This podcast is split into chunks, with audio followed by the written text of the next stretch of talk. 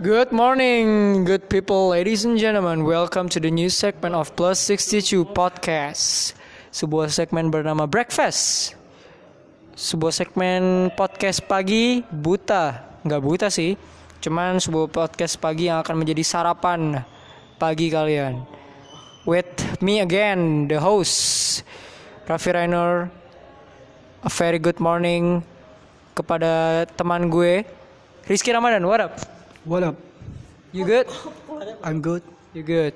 And the next person standing five foot from Ciledug. Let me present Jeremy Noel. What up? I am good. I am Groot. And in the right side, standing almost six feet from where are you from? Petukangan? Enggak. From from Bogor. Bagas Putra Wicaksono. What up? What up, Fu? Ya, ya, ya, ya. So, membahas sebuah apa? Kehidupan setelah memasuki masa perkuliahan. Tuh. Kita semua di sini kebetulan mahasiswa dari program studi yang sama, fakultas yang sama, dan juga circle yang sama. Ya, kita dari eh, mahasiswa program studi hubungan internasional. Dan sekarang kita bakal ya sharing tentang kehidupan kita setelah masuk perkuliahan di hubungan internasional. Sebelumnya gue mau nanya Rainur. Rainur, alasan lu ngambil program studi hubungan internasional? Iya kenapa jadi gue ya MC-nya ya? Justru itu yang bagus. Kenapa alasan lu menjadi hubungan internasional? Apa sih yang Jadi hubungan itu. Kenapa lu milih masuk hubungan internasional gitu? Maksudnya apa yang membuat lu tertarik untuk mengambil HI? Apa karena Hai, hai. HI itu apa? hubungan intim.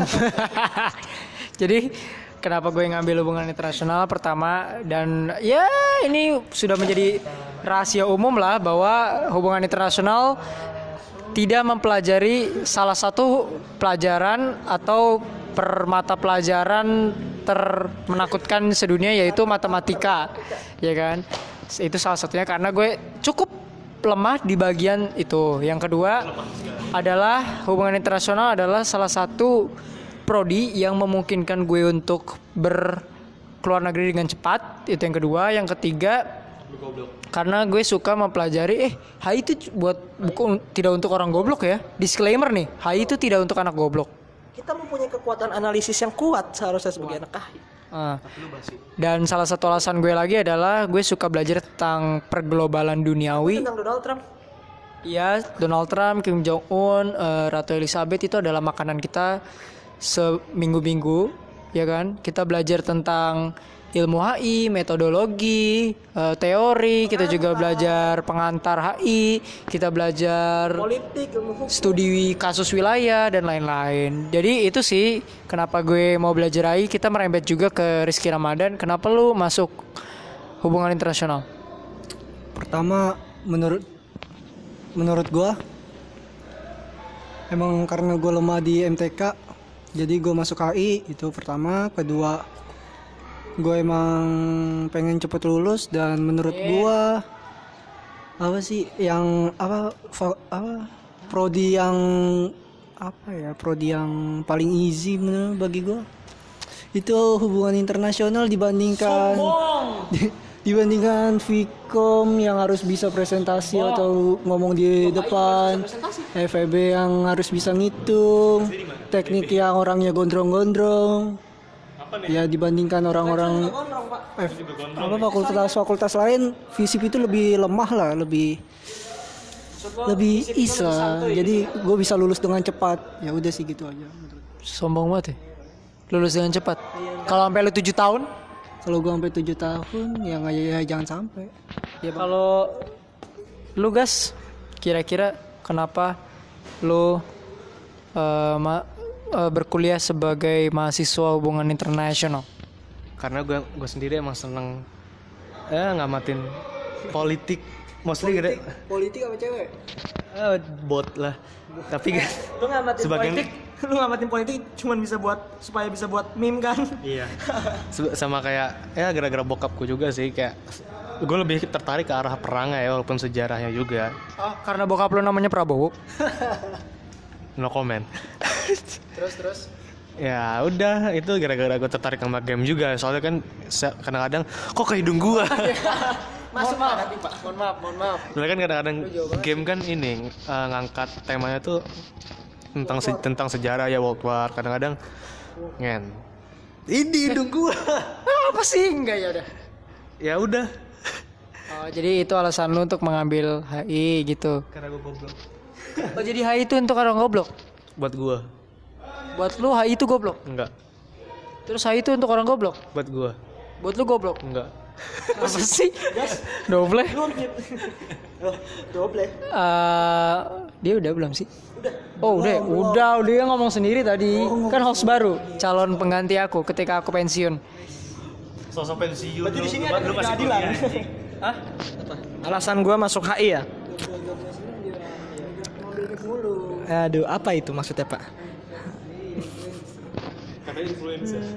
Berisik dia mau ngomong dulu. Apa alasan saya masuk HI?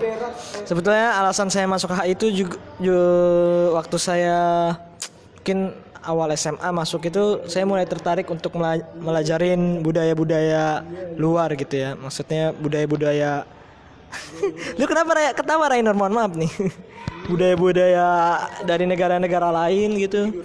Juga sebetulnya dulu dari dulu tuh saya punya ketertarikan kalau ngomongin tentang politik luar negeri gitu. Maksudnya tentang ya katakanlah Amerika Serikat gitu. 3%. Apa? Tinggal 3%. Bentar aja. Apa sih? Ah, Oh. lanjut. Ya udah. Bentar aja.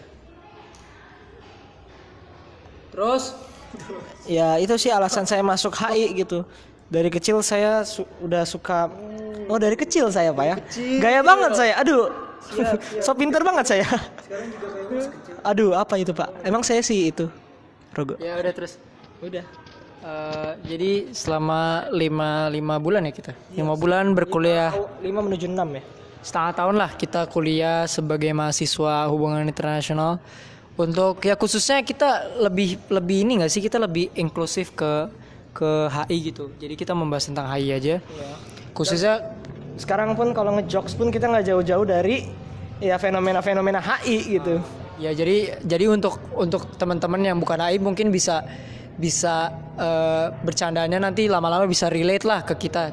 Dan untuk teman-teman yang sekiranya sedang mendengar terus posisinya lagi kelas 12, kelas 11 atau kelas 10, terus kalian bingung, terutama untuk kalian anak IPS karena sebenarnya HI itu bisa dipelajarin oleh anak IPA dan anak IPS ya nggak sih? Itu ilmu umum sebetulnya ya Kenapa? Ilmu multidisipliner Apa tuh? yang apa inter? Ayo ah, iya. Ayo, inter apa multi apa? apa? Gua coba- Interdisipliner apa multidisipliner?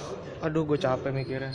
Ah kebanyakan capek. Jadi sebenarnya ya untuk teman-teman yang bingung HI itu ya seperti yang tadi Rizky bilang sebenarnya tergolong salah satu ilmu yang cukup mudah untuk dipahami sebenarnya. Karena eh, apa yang lu lihat di sekitar lu itu juga jadi masuk ke bahasan HI jadi tidak slapping gue lagi merem bangsat. Gue kira lu mau ngomong apa?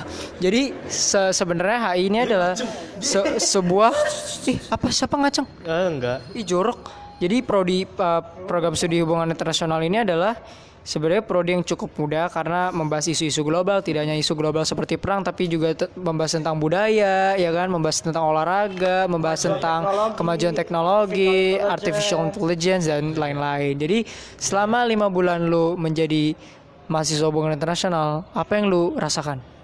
Jeremy. Merasakan yang gua rasakan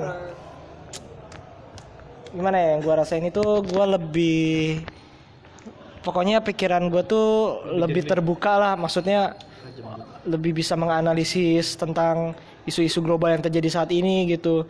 Juga ya gimana ya gua ada di circle gitu. Anjay. Hah? apa? Ya? Enggak? apa? Oh enggak. Gua punya circle yang maksudnya kalau gua ngomong atau bercanda nih itu nyambung sama gua loh. Ah, aku jadi ka- kalau lu selama lima semester eh lima semester lima bulan lima bulan lima semester eh, lima bulan menjadi mahasiswa HI khususnya apa yang lu rasakan? Sangat menakjubkan hidup bermalas-malasan ini. Jadi maksud lu anak HI malas gitu? Ah iya. Iya sih, Bu. Termasuk merefleksikan diri sendiri ya iya merefleksikan diri sendiri. Iya, oh iya. Lebih ke diri gue sih ya. Dia apa? Kan aduh. Apa sih? Kok lu kagok sih? Kan AAE eh HI itu tidak untuk orang yang pelongo-pelongo. Iya bener nggak? HI itu eh, kalau gue dari gue pribadi lima secara lima bulan ini setengah tahun lah ya jadi anak anak HI sama seperti ya satu semester menjadi anak HI ya cukup senang karena gue eh, masuk ke sesuatu yang gue sukai ya kan terutama kita sempat pergi-pergi juga ya kan ke ke Thailand. ke Thailand. Jadi kita eh, khususnya gue, gue sama Bagas di sini eh, kita sempat pergi ke mana guys? Hah? Kita sempat pergi ke mana?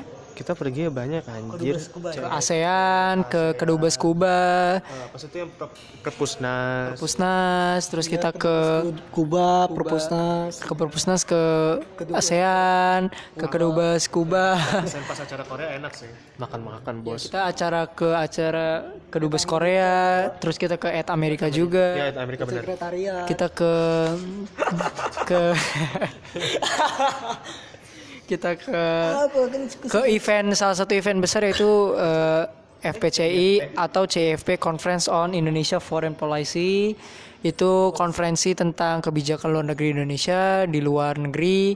Dan mungkin selanjutnya kita bakal banyak event termasuk memegang event. Juga kita sudah dilatih untuk menjadi event organizer. Ya sehingga nanti ketika ada orang mau nikahan kita jadi IO nya IO kan di nikahan orang hari Sabtu Debat gitu Pak pas dia nikah gitu Pak. Ah, enggak Ini kan ya untuk berdebat. Ya kita juga bisa berdebat, terus ada diskusi asik seputar hubungan internasional. Kita juga belajar-belajar seperti itu. Jadi intinya kita menjadi anak AI itu seru. Kita juga masuk ke kebetulan kita berempat masuk ke sebuah organisasi juga di kampus. Kenapa? Saya nggak termasuk struktur ya Pak. Emang di sebuah organisasi itu ada struktur? Aduh, sangat rumit. Kita masuk ke sebuah organisasi juga, kita juga ikut ke banyak-banyak event. Jadi ya cukup cukup senang lah ya menjadi anak HI. Jadi menurut lu apakah orang-orang di luar sana harus masuk HI? dia tergantung passion dia kalau memang dia berminat dengan eh apa tuh silo-silo oh si bagas tentang eh, kalau dia suka tentang politik politik global gitu atau suka mempelajari kebudayaan-kebudayaan luar negeri gitu ya menurut gua dia cocok untuk masuk HI tapi kan passion orang beda-beda gitu.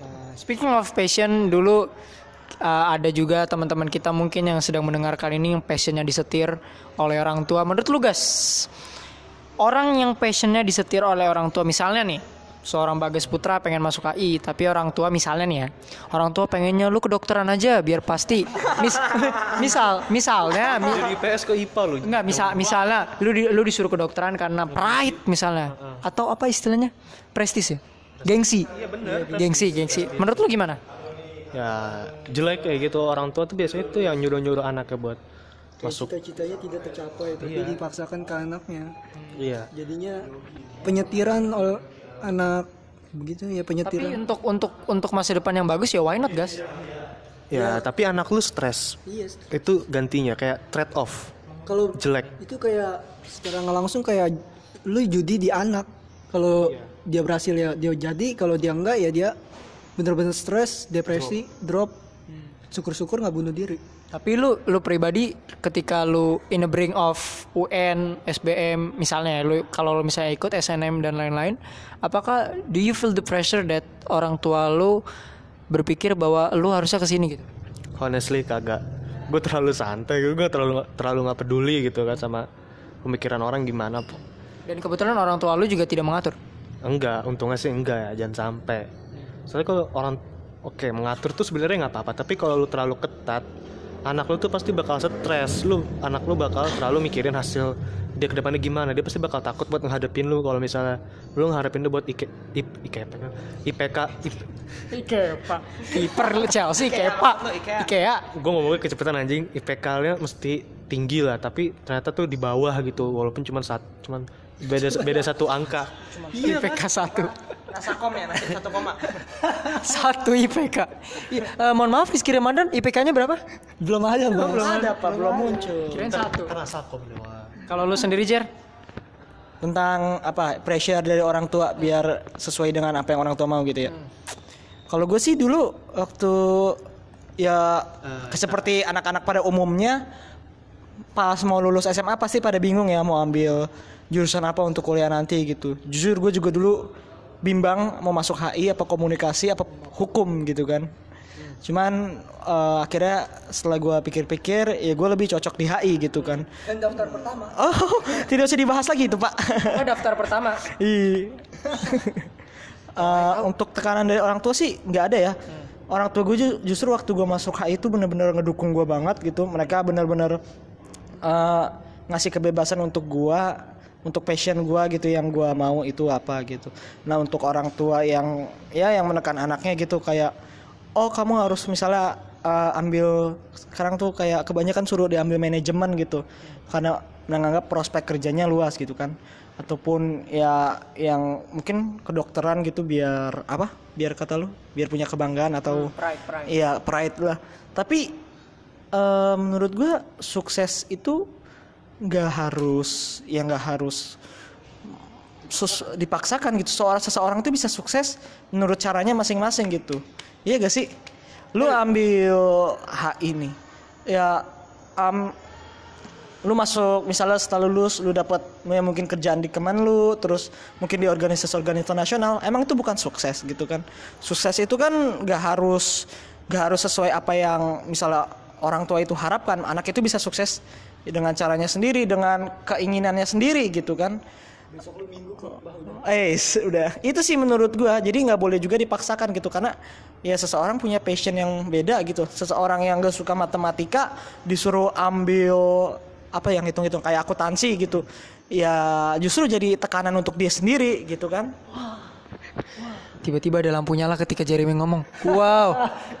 Ini il- firman Tuhan. Jadi eh, kalau itu soal orang tua, mungkin dari tekanan dari lingkungan dulu misalnya. Lu sendiri Ki ngambil HI ini pure dari lu sendiri atau lu misalnya lu punya temen kayak Bagas.